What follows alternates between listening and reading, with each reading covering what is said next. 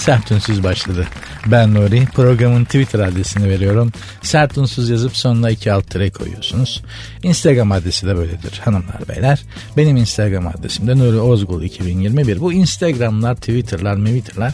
Bir de LinkedIn mi? LinkedIn diye bir site var. Burada insanlar profesyonel olarak çalışan arıyorlar. Çalışanlar da işte iş yeri arıyor. Yani özelliklerini yazıyorsun.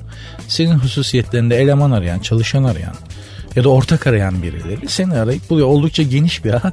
Burada e, genç ve güzel hanımlara daha doğrusu hani bizim Türk erkeğinin şeyi genelde nefes alsın yeterdir ya. Kadın olan herkese yürüme sayısı artmış. Yani sürekli en son bir hanımefendi ifşa etmiş. Yani bakın bunlar bana yürüyorlar. LinkedIn gibi böyle ekmek parası kovaladığımız bir yerde böyle şeyler doğru mu diye değil. Yeri değil en azından. Yani adam çirkin bir şekilde taciz etmemiş. İltifat etmiş falan o sonra çirkinleşir gerçi. Ee, gözleriniz ne kadar güzel demiş. O demiş bu demiş işte oradan bildiğiniz hanımefendiye yürümüş gerçekten. Bunun sonu yok. Yani artık profesyonel iş aranan bir yer yok. Efendim işte Instagram'da ben yaptığım pastaları koyuyorum da satmaya çalışıyorum. Aman bana yürüyorlar.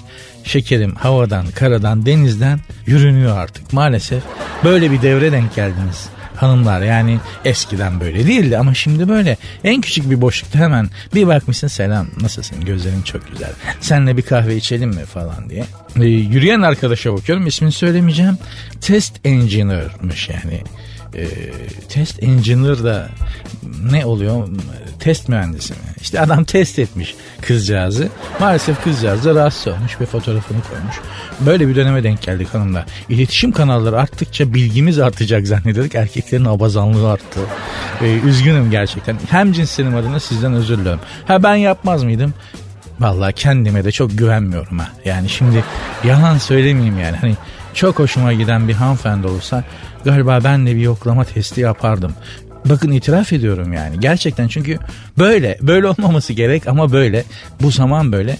Kendimi de kınıyorum şu anda. Kendimden de şu anda bir soğuma geldi gerçekten. Biz programa bakalım. Güzel mevzular hazırladım sizin için. Güzel şeyler düşündüm. İnşallah e, kendi gerçekliğinizden çok da mutlu olmadınız. Belki de mutlu olduğunuz ama hani biraz da farklı bir şeyler dinlesem dediğiniz o gerçeklikten sizleri kopartıp başka şeyler düşündürüp hayal ettirebilirim. Zaten görev tanımım da budur. Bünyenizde birikmiş olan negatifi mümkünse tamamen alıp yerine pozitif vermek. Bunu başarabilmişsem yevmiyemi hak etmişim demektir. Sert ünsüz devam ediyor. Birazdan görüşeceğiz.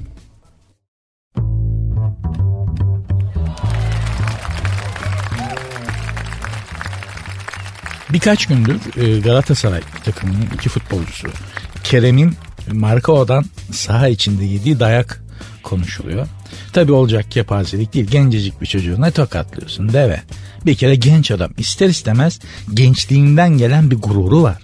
Gencecik bir çocuğun özgüvenini milyonların göz önünde hem statta hem ulusal yayında hatta global bir yayında canlı yayınlanan, görüntülü yayınlanan bir mecrada niye çocuğu dövüyorsun sahadın ortasında? Demek ki bu marka denen arkadaş sığır. Yani demek ki sığır her yerde sığır. Bu Brezilyalı galiba. Fark etmiyor. Yani bu bir kumaş demek ki. Herkeste oluyor. Kerem kabahatli olsa bile ne olursa olsun kusur küçükten affetmek büyükten diye bir laf var. Hadi affetmeyeceksin. Bak Melo da adam dövdü. O da Galatasaraylıydı ama soyunma odasında dövdü. Çiçek gibi temiz iş yaptı adam. Ha, dövmesin tabi ama en azından kimsenin gözünün önünde dövmedi. Tabi bunlar ecnebi oldukları için böyle raconları bilmezler. Marka özür dilemiş tabi. Demiş ki bana istediğiniz cezayı verin. Kızın, kovun ama ailemi işin içine karıştırmayın. Onlar bir şey yapmadı ben yaptım demiş. Belli ki sosyal medyada yedi sülalesi linç yiyince böyle bir açıklama yapma gereği duymuş. Gerçekten ailesinin ne günahı var. Peki Marco ne yaptı? Marcao ne yaptı? Aslında ne yaptı? Neden o kadar kızdık ona? Yazılı olmayan ama hala geçerli olan çok eski bir raconu bozdu. Nedir o? bir mahalle raconu. Evet artık mahalle kültürü kalmadı, mahalle de kalmadı ama bazı mahalle raconları hala yaşıyor. Marka o, Kerem'i döverek hangi mahalle raconunu çizdi? Bizim mahallenin çocuğunu dövemezsin. Ha biz icap ederse kenara çeker döveriz. Ama sen başka mahalleden gelip bizim çocuğumuzu dövemezsin. Hem de bizim gözümüzün önünde hiç dövemezsin. Maradona'ya bacak arası atamazsın. Elbette ki Galatasaray camiasının takdiridir. Ben Beşiktaşlıyım konu üzerine uzun uzun laf etmek bana düşmez. Hem Galatasaray camiası hem taraftarı neyi uygun görüyorsa onu yapar. Ama bu arada hani Galatasaray'dan açıldı mevzu. Ee, Oscar Silver'la Anadolu'da Yılmaz Vural'dan sonra en çok dolaşmış Zenci Solbek, Oscar Silver'la e, futbolu konuşurken Galatasaray'dan konuşmadık. Beşiktaş'tan ve Fener'den konuştuk. Ayıp olmuş Galatasaraylı arkadaşlara gerçekten. Bir şey dikkatimi çekti. Yani Galatasaray'ın oynadığı futboldan çok e, maçtan sonra Fatih Terim'in maç sonu röportajını izledim. Bir şey dikkatimi çekti. Bilmem sizin de dikkatinizi çekti mi? Fatih Fatih Terim kendisinden bahsederken FT diye bahsediyor. Valla bak bir, bir muhabir soru sordu. Sizi sağ kenarında daha sakin gördük geçen seneye göre diye. Baba evet dedi bu sene ceza almaya niyetim yok sakin kalacağım. Bu FT daha iyi dedi. Bu FT dediği Fatih Terim. Adam kendisinden üçüncü tekil şahıs olarak bahsediyor ve gömleğin e, kol şeyine isminin baş harflerini yazar ya. Hani gömlek diktirenler ben hazır gömlek almıyorum özel diktiriyorum mesajını dışarıya nasıl verirler? Gömleğin e, kol şeyine isimlerinin baş harflerini yazdırırlar. Böyle aa dersin ki baba gömlek diktiriyor. Zevkli adam. Pek çoğu da aslında hazır gömleğe diktirtir hazır gömlek alıp markasız gömlek alıp nakışçıda marka bastıran falan böyle çakal çukal çok. Vallahi çok. Yani hanımlar da hani böyle ya adam marka giyiyor bak ne güzel falan. Gerçekten çoğu böyle. Yani çoğu Polat pasajından falan 30 e, liraya 40 liraya aldığımız gömleklere 2000 liralık gömlek markasının nakışçıda amblemini bastırıyoruz işte şeye falan da öyle şekil yapıyoruz. Yoksa ne ortalıkta bu kadar paralı adamlar da bu pandemide ekonomik krizde. Ne zannediyorsun yani? Ha evet ne diyorduk? Fatih Terim kendisinden üçüncü tekil şahıs olarak bahsediyor. FT diyor zenci mafya babaları gibi. Çok ilginç bir insanın kendinden isminin baş harfleriyle ve üçüncü tekil şahıs olarak bahsetmesi. Adına da, da acaba o, Fatih Terim'e FT mi diyorlar? Gittiğinde Adana'ya mesela. Sokakta ben söylesem Fatih Hoca o FT ne haber hocam falan diye bana kafa göz dolar. Yani o ben ondan çok daha ama affetmez. Fatih Terim'i gördüğüm bildiğim kadarıyla. Ne haber baba FT nasılsın dediğin zaman zıplayarak kafa atar. Boydan biraz kısa olduğu için ama atar. Yani memlekette orijinalliğin sonu gelmiyor gördüğünüz gibi arkadaşlar. Neyse ben NÖ, bu program SÜ, az sonra GRŞRZ. Fatih Terimce konuştum idare edin biraz.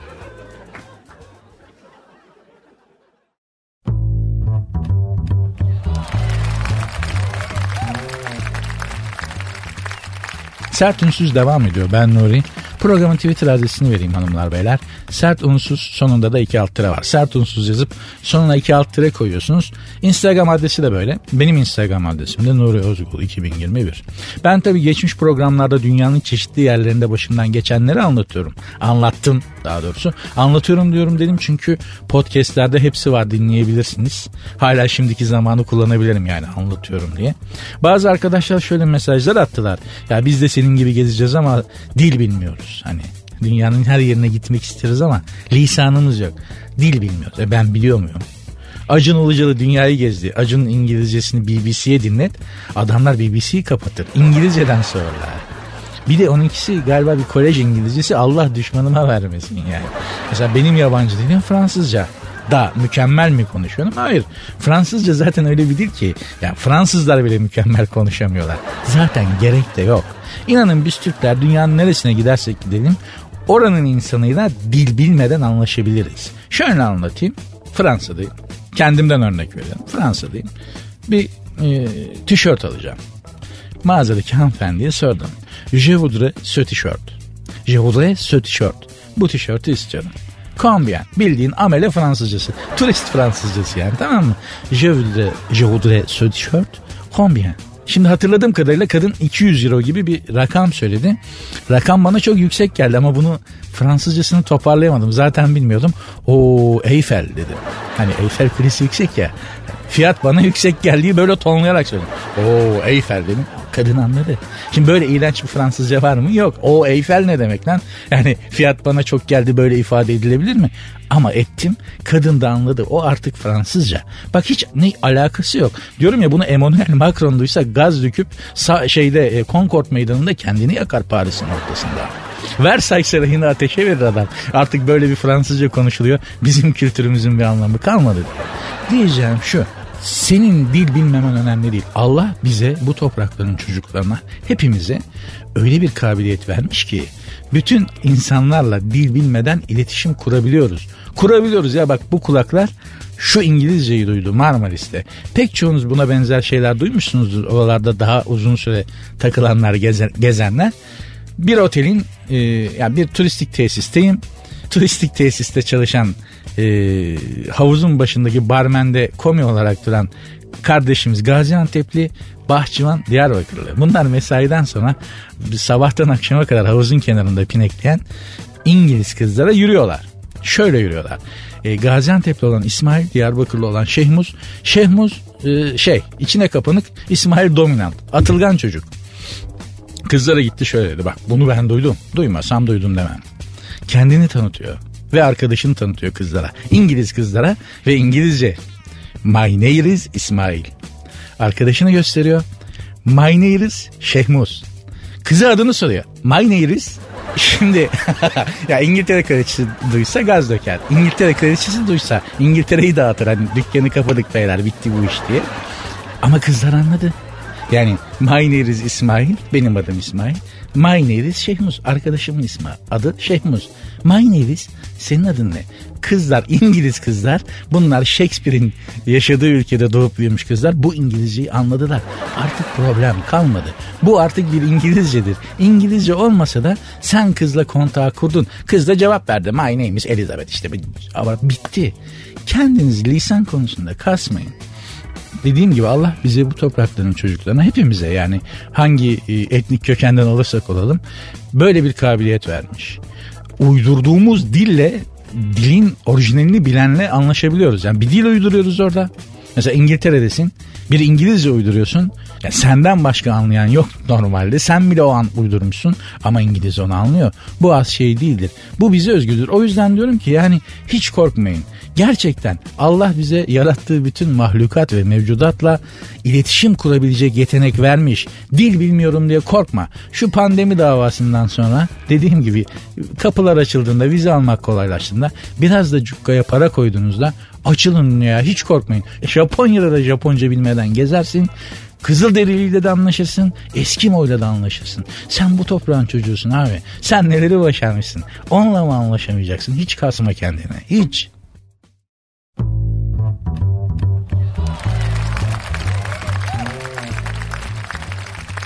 Sert Ünsüz devam ediyor. Ben Nuri. Aleyna Tilki dama çıkmadan önce Lütfi. Lütfi kim? Lütfi'nin Aleyna ile bir ilgisi yok. Benim dinleyicilerimden biri yani sizlerden biri lütfen yayında adımı söyler misin dedi. Neden böyle bir şey istediğini bilmiyorum ama yayında adını söylüyorum. Lütfi beni lütfen dinlemeye devam et. Çok teşekkür ederim. İnşallah gönlün olmuştur. Aleyna Tilki dama çıkmış. Niye? Evlendirin artık beni diye. Eskiden böyle bir şey ya tabii ki öyle değil ama eskiden böyle bir şey vardı.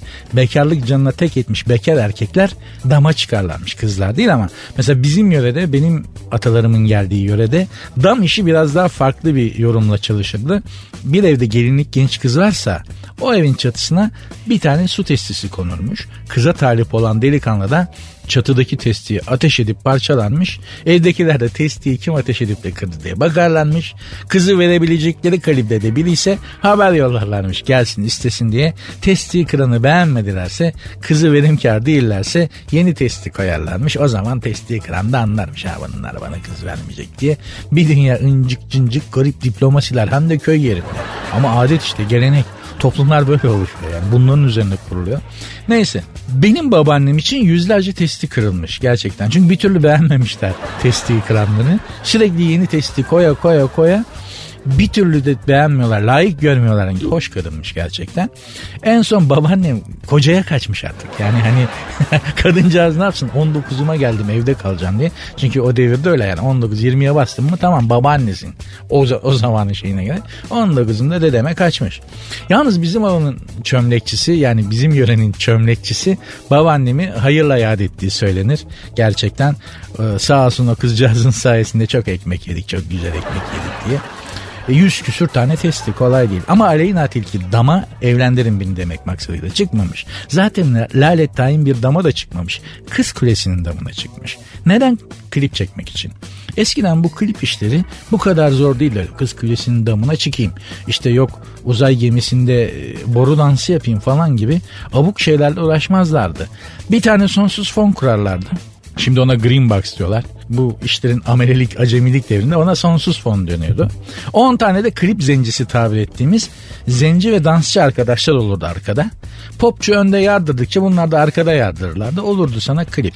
Klip zencisi denen bir meslek grubu vardı medyada. Nasıl mesela zenci futbolcu var? Bir de klip zencisi olan arkadaşlar vardı. Bunlar böyle 5 onlar dediğim gibi top popçunun arkasında kalabalık. Böyle 500 tenin en kalabalık saatindeki gibi yığarlardı. Bir de yağlarlardı bu klip zincirlerini bu arkadaşları. Arkada böyle abonoz gibi yaldır yaldır spotlarda vurunca parlarlardı dans ederken. Bir keresinde bu klip çekimine bu böyle klip zinciri klip çekimine tesadüfen denk geldim. Bizim e, televizyon programı çektiğimiz stüdyonun yan tarafındaki stüdyoda bir klip çekiliyormuş. Gittik bakalım diyen nasıl oluyor. Abi 15 tane e, klip zencisi kardeşimiz. Yalnız kızartma yağıyla yağlıyorlardı böyle. Kameranın arkasında kızartma yağıyla yağlıyor. Bildiğim böyle hani al eve götür patates kızart. O yağla zencileri yağlayıp yağladıklarını kameranın önüne atıyorlardı. Onlar da oynuyorlardı. Çok absürttü. Hakikaten hani gerçeküstü bir durumdu. Ya dedim bari adamlara bebe yağı sürün ayıptır yazıktır ya falan dediler ki maliyet artıyor vücutlu adamlar diye. Aleyna Tilki olayı farklı bir boyuta çekmiş. Kız Kulesi'nin çatısına çıkmış. Çok esiyor yalnız ola. Helal olsun kıza. Bak bu kızdaki azim kimsede yok. Kız Kulesi'nin ben Kız Kulesi'nde yerde duramıyorum rüzgardan yani. Çatıya çıkmış ve orada savrulmadan durmuş rüzgar alır direkt saray bunu. Yeni kapı götürür adamı orada. Ama çok azim var bu kızda. Biliyorsunuz bir ara bir klibinde robotla evlenmişti. Yakın zamanda Aleyna Tilki. Kimileri buna şaklabanlık demiş. Sosyal medyada Aleyna da cevap vermiş. Kalbime öyle doğdu robotla evlendim. Belki bu cümle çok önemli. Belki paralel evrende böyle bir olayın içinde yaşadım ben. Demiş ki çok doğru. Rahmetli Profesör Taşkın Tuna hocama sormuştum. Ben bu paralel evren işlerini o çok kıymetli bir bilim adamıydı. Demişti ki oğlum dedi paralel evren şöyle bir şey. Bu mesela sanat eserleri, bu şarkılar var ya bizim dinlediklerimiz. Evet hocam onlar zaten paralel evrenlerde mevcut var. Mesela bir şarkı söyledim. Barış Manço'dan kol düğmeleri. O bir paralel evrende çalıyor zaten. Var o şarkı. Sanatçı o paralel evrenle bir bağlantı kuruyor ve şarkıyı oradan bizim boyutumuza çekiyor. İyi de hocam dedim sanatçı paralel evrenle sanatçı dediğimiz insan. Paralel evrenle nasıl bağlantı kuruyor? Bunların dedi bunların dedi ilham dediği şey o işte. Sanatçı özel bir yaratık, özel bir ruh, özel bir canlı. İlham geliyor diyor ya o aslında paralel evrenle temas ediyor ve o an oradaki bir eseri, bir durumu buraya çekiyor. Yani sanatçılar bu yüzden özel insanlar diyorum ya başka evrenlerle irtibat kurabiliyorlar.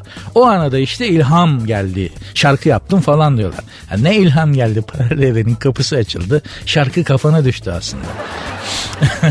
Program devam ediyor. Sert Ünsüz ben Nuri. Programın Twitter adresi Sert Ünsüz yazıp sonuna iki alt tire koyuyorsunuz. Instagram adresi de öyle. Benim Instagram adresim de Nuri Ozgul 2021.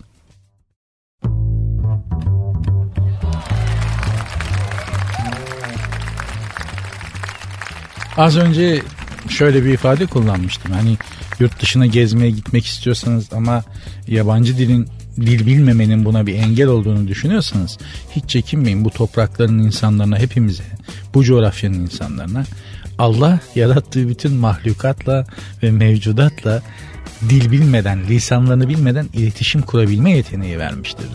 Yani korkma kapılar açıldığı zaman bu pandemi davası bittiği zaman vize almak kolaylaştığı zaman Cukka'da da biraz para yaptığınız zaman Japonya'ya gideceğim ama Japonca bilme hiç İngilizce de bile hiç korkma yürü git. Göreceksin ki çok rahat anlaşıyorsun. Bak sadece insanla değil hayvanıyla da anlaşırsın. Zannediyorum sene 1999 İspanya'nın Pamplona diye bir şehri var Pamplona diye bir şehir. San Fermin diye bir festivali vardır. San Fermin Festivali. Şöyle bir festivaldir. Sokaklara tahta perdeler gererler kaldırıma iki tarafa. Böyle yol zaten tarihi bir şehir. Dar yollar. O dar yollar adeta bir kanal gibi olur. Kaldırımlara da tahta perdeler çekerler.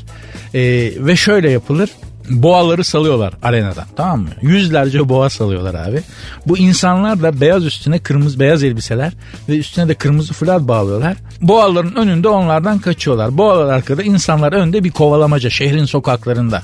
Anlatabiliyor muyum? O tahta perdelerin arkasında da o kovalamacaya kat, katılmak istemeyen turistler işte yöre halkı o tahta perdelerin arkasından izliyorlar. Tamam mı? 600 yıldır yapılan bir festival yani 14 14. yüzyılda başlamış. Gittik. Çekmeye gittik yani televizyona. Tabii ki ben boğaların önünde koşanlardan değilim. Boynuzları olan öfkeli bir tonluk hayvanın önünde koşacak kadar ardinal müptelası değilim biliyorsunuz halkımız adrenalin, adrenalin denen şeye ardinal diyorlar. Ben o kadar ardinal müptelası değilim. Belediye otobüsüne yetişmek için koşarım en fazla. Vardır ya öyle bir şey. Yani belediye otobüsü duraktan kalkar. Henüz düşük vitestedir. Bir yandan giderken bir yandan da elinle otobüs öyle pat pat pat pat dursun diye vurup bir yandan da depar atarsın. Ben onlardanım. Yıldızı düşük bir adam olduğum için beklediğim otobüs hep kalktıktan sonra düşük vitesteyken durağa gelirim nedense. Yani bu duraktan yeni kalkmış otobüse binmek için yanında deper atmayı olimpik spor yapsalar 4 yılda bir altın madalyam var. O sporun efsanesi olurum yani. Ama boğanın önünde koşmam. Öyle bir ardinal müptelası değilim. Neyse mevzu neydi? Evet iletişim konusundaki yeteneğimizden bahsediyorum. Sadece insanlarla değil yani hayvanlarla da iletişim kurabiliyoruz diye. Ona, ona örnek vermek için anlatıyordum bu şeyi. Mevzu da aldı. San Fermin, Festivali, Fe, San Fermin Festivali Pamplona şehri İspanya. Boğaları salıyorlar. Şehrin sokaklarında boğalar arkada insanlar onların önünde. Bir kovalamaca. Otelin balkonundan seyrediyorum. O e, yol kenarlarına geldikleri boğalar insanların arasına dalmasın. Kenardan seyredenlerin arasına dalmasın diye Yol kenarına geldikleri tahta panolardan biri devrildi ve boğalardan biri oradan geçerek izlemek için biriken halkın arasına daldı. İnsanlar çil yavrusu gibi dağıldılar tabi. Kaçan kaçana büyük panik ortalık mahşer yeri. Pek çok insan aynı anda farklı yerlere doğru koştuğu için boğa da kime saldırsam diye delirmiş. Kendi etrafında böyle kuyruğunu kovalayarak dönüyor öfkeyle. Bak şöyle bir ses şöyle bir ses duyuldu. Oh meç meç meç meç meç ho koca oğlan ho diye ya tam yapamadım ama bir Türk boğanın öfkesini balon gibi aldı bir anda abi. Bir anda o bir tonluk bir buçuk tonluk öfkeden delinmiş boğa oldu sana kaniş. Pomeryan cinsi kaniş oldu. Tokatlı bir beyaz eşyacıymış. Turist abimiz oraya gelmiş ailesiyle. Boğayı sakinleştirdi. Çocukken çok sürgüttüm ben anlarım bunların dinden. Aslında kaçmasalar bir şey yapmaz bunlar falan diyor. İspanya'da yılın adamı oldu. Sene 1999'dur. Düşün çıldırmış, delirmiş bir boğa ile bile iletişime geçip onu sakinleştiremeyen insanlar yaşıyor bizim aramızda. Böyle insanlarız biz. Mesela benim annem de orkide meraklısı. Evde 15 tane orkide var. Her sabah orkidelerle konuşuyor kadın. Kızlar günaydın ne yapıyorsunuz diye. Ya buyurun çiçekle konuşuyor kadın. Facebook'taki en güzel, en sağlıklı, en uzun ömürlü orkideler benim annemin orkideleri. Ya ben eminim orkideler de anneme cevap veriyorlar. Annem de anlıyor. Eminim bak. Bizler böyle insanlarız. Korkmayın. Dediğim gibi ya dünyaya açılın, dünyayı gezmek, görmek, gidebildiğiniz yer kadar. Yani hani bulunduğunuz beldenin dışına çıkmak bile hiç görmediğiniz, şehrin hiç görmediğiniz bir yerine gitmek bile dünyaya açılmak sayılır. Gerçekten açılabildiğiniz kadar açılın. Bir o kadar mutlu, neşeli ve bambaşka insanlara dönüşeceksiniz. Bir o kadar da mutsuz olacaksınız. Lan bizim hayatımız evden gidiyor buralarda diye.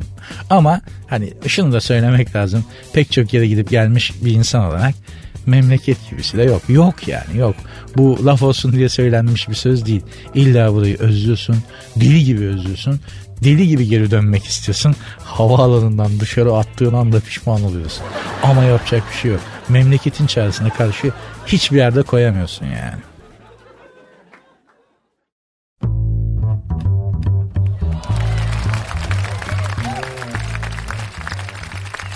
Sert Ünsüz devam ediyor. Programın Twitter adresi Sert unsuz 2 alt tire. Sert unsuz yazıp sonuna 2 alt tire koyuyorsunuz.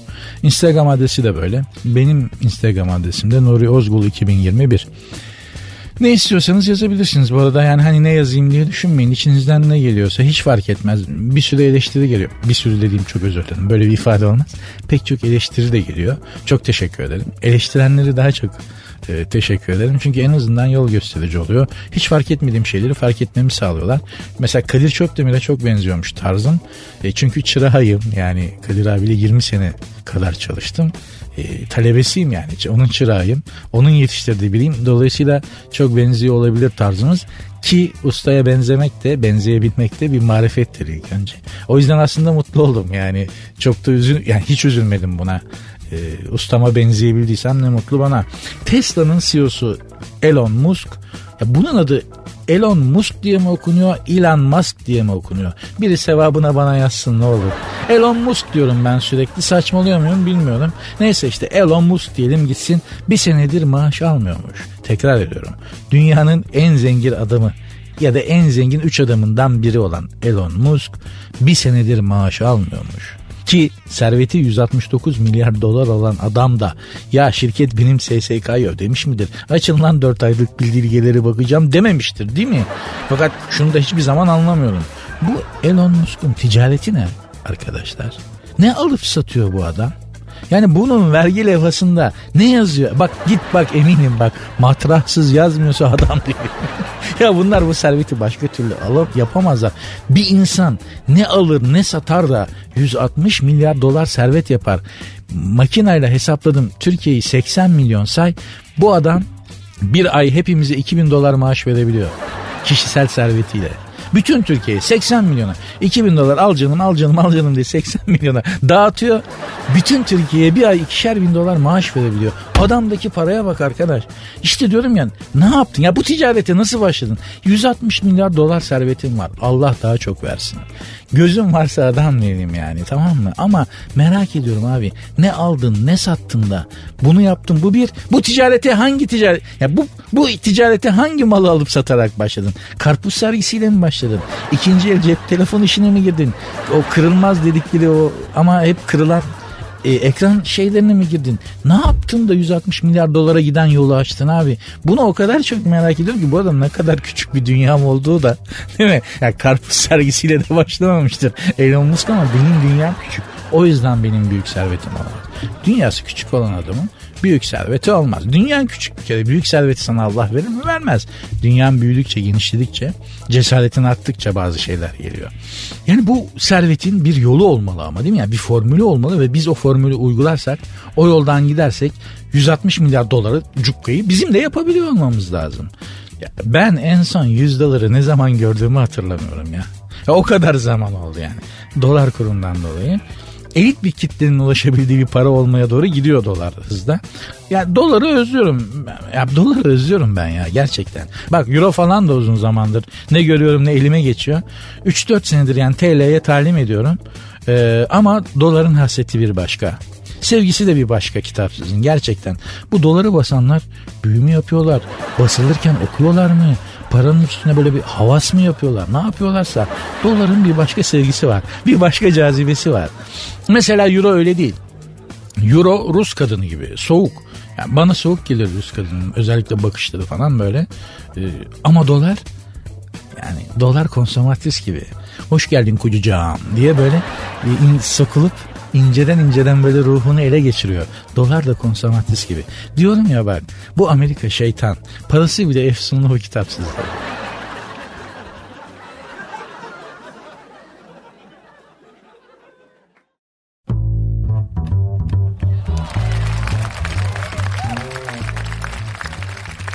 Sert ünsüz devam ediyor ben Nuri. Az önce Elon Musk'tan bahsediyordum. Mevzu dolara ve Amerika'nın şeytanlığına kaydı. Size şundan bahsedecektim. NASA artık nasıl olduysa, nasıl bir parasız kaldıysa NASA uzaya gidecek astronotların giyeceği uzay giysisinin bütçesini denkleştirememiş. Elon Musk da valla isterseniz ben yaparım diye bir kıtır atmış. NASA'da oldu o zaman sen bize bir fiyat çalış. Parça başı rakama göre anlaşabilirsek değerlendiririz demiş Mahmut Paşa işi. Bildiğin Elon Musk dünyanın en zengin adamı parça başı iş yapıp NASA'ya satacak yani. Ben de buradan NASA'ya seslenmek istiyorum. Ya boş verin Elon Musk'u falan. Bu astronotların giysilerini bizim Osman Bey Şişli taraflarındaki tekstil atölyelerine verin. Var ya bak hele bu iş yokluğunda astronot giysisinin abiyesini bile yaparlar. Kadın astronota degaje dekolteli astronot elbisesi dikerler. İsteyen kadın, kadın astronota sırt dekoltesi de yaparlar. Yaparlar bizimkiler. Gerçi şimdi o Osman Bey taraflarındaki o oralardaki tekstilcilerin vitrinlerine bakıyorum. Arap abiyesine kaymışlar biraz. Düşün bu memlekette eskiden İngiltere'ye, Almanya'ya, Amerika'ya tekstil ihracatı yapılırdı. E para demek ki Arabistan'a kayınca bizim tekstilciler de Arap abiyesine kaydılar. E, Arap abiyesinin ne olduğunu e, tarif edeyim görmeyen vardır belki. Şöyle yürüyen bir avize düşünün tamam mı şıkır şıkır yaldır yaldır. Hani boş bulunup böyle çıplak gözle bakarsan astigmatın cavlar. Öyle bir şey. Retina tabakasını yırtarsın. Böyle gözün yaldır yaldır şakır şakır böyle parlak taşlı. Baştan sona kumaş görünmüyor. Pul, boncuk, boru boncuk, kesme taş. Arap kadının abiyesi bu. Ha abiye nedir diye soran e, bilmeyen erkek dinleyiciler için söylüyorum.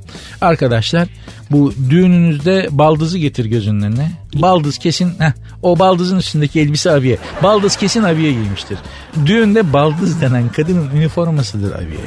Abiye ve baldız e, nasıl desem Napolyon'la Bonaparte Yıldız'la Tilbe gibi ayrılmaz bir ikilidir. Arap abiyesi diyorduk. Makyaj olarak da full ağır makyaj. Yani Arap abiyesi giyiyorsan full ağır makyaj yapacaksın. Ee, yani böyle düşün Arap abiyesi giymiş ve full ağır makyaj yapmış bir kadın karşıdan sana doğru geldiği zaman lan bu gelen insan mı yoksa bir Mortal Kombat karakteri mi? Kitana mı la bu bana doğru gelen diye şüphe edersin. Ağır makyaj dediğinde şu gözünüzde şöyle canlandırın beyler bağırsakları bozuk bir martı sürüsü yüzüne pislemiş gibi bir şey çok affedersiniz. Her renk var. Ağır makyaj da bu. Bu abiye işi yalnız kontrolden çıkmak üzere hanımlar lütfen. Abiye her kadına yakışmıyor. Böyle etler löp löp o kol askısından pörtlüyor falan. Size ipek, krep, brokar gibi güzel ve asil sizin asaletinize çok daha yakışacak kumaşlar olduğunu hatırlatmak istedim. Çok yakın Yeşil Direğe gidin envai çeşidi var lütfen. Biliyoruz da konuşuyoruz.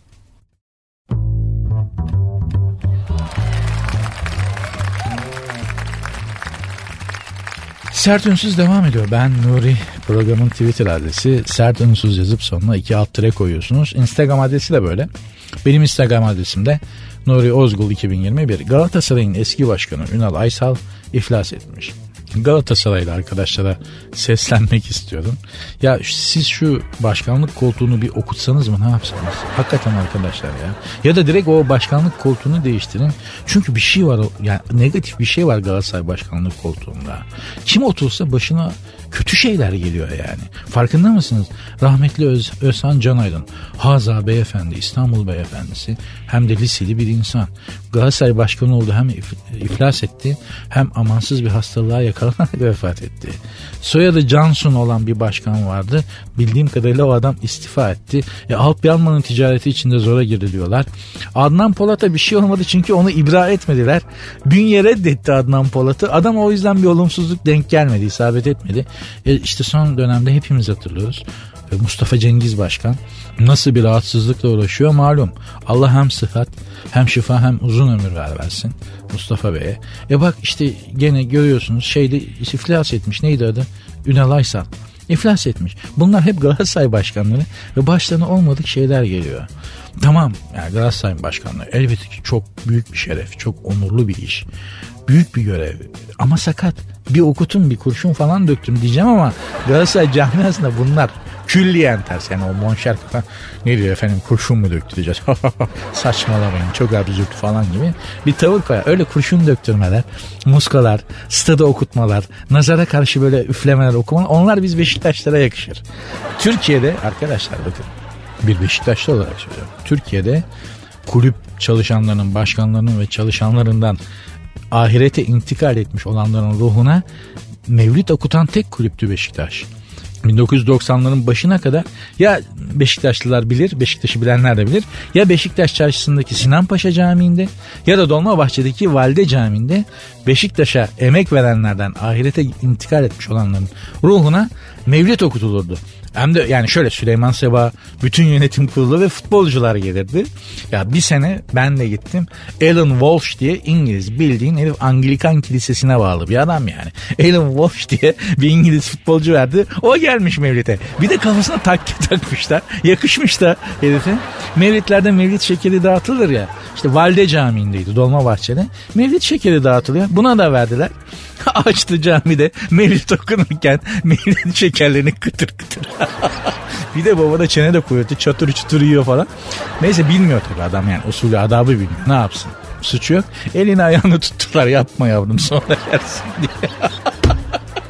ya ben de normal bir hayat yaşadığımı zannediyorum ama hani rutin bir hayat yaşadığımı zannediyorum ama çok eğlenmişim farkında olmadan. Şimdi fark ediyorum.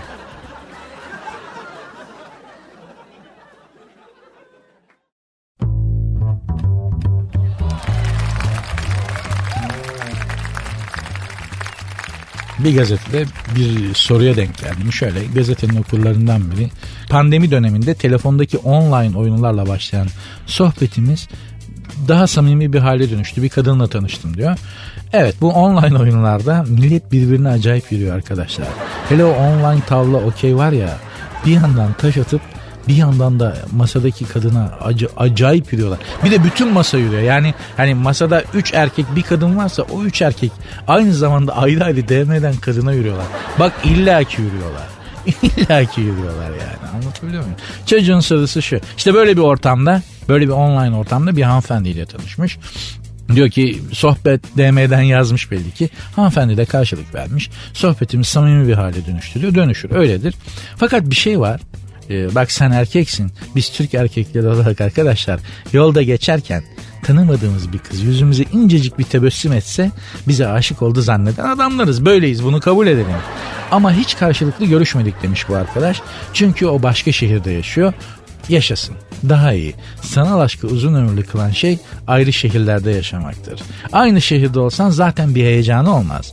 Sadece diyor görüntülü sohbet ettik. Karşılıklı kamera açıldıysa tamamdır. Yani kız teslim olmuş bence. Ben ona çok aşık oldum ama ona söylemedim demiş. Ben de diyorum ki neden? Niye söylemiyorsun ki? Eğer aşık olduğunu söylemezsen kız senin ona aşık olduğunu nereden bilecek? Kendisi anlasın diye beklersen kadınlar anlasalar bile belli etmezler.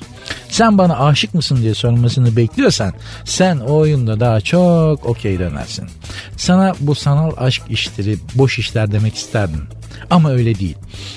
Yani bu sanal ortamda tanışan var, evlenen var, mutlu olanlar var. E madem, e madem sanal alemden de olsa bir mutlu olma şansı var ve sen bu şansı yakaladığını hissediyorsun. Bence sonuna kadar kovala. Çünkü gerçekten doğru insanın nerede karşına çıkacağı belli değil. Benim karşıma radyo stüdyosunda çıkmıştı mesela. Ben o zamanlar mandıradan yeni çıkmış bir sığır olduğum için anlayamamıştım. Ama hala pişman olmadığım tek bir gün bile yok.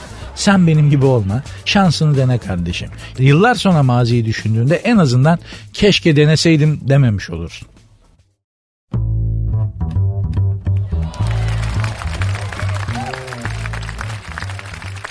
Sert Ünsüz bu akşamlık bitmek üzere.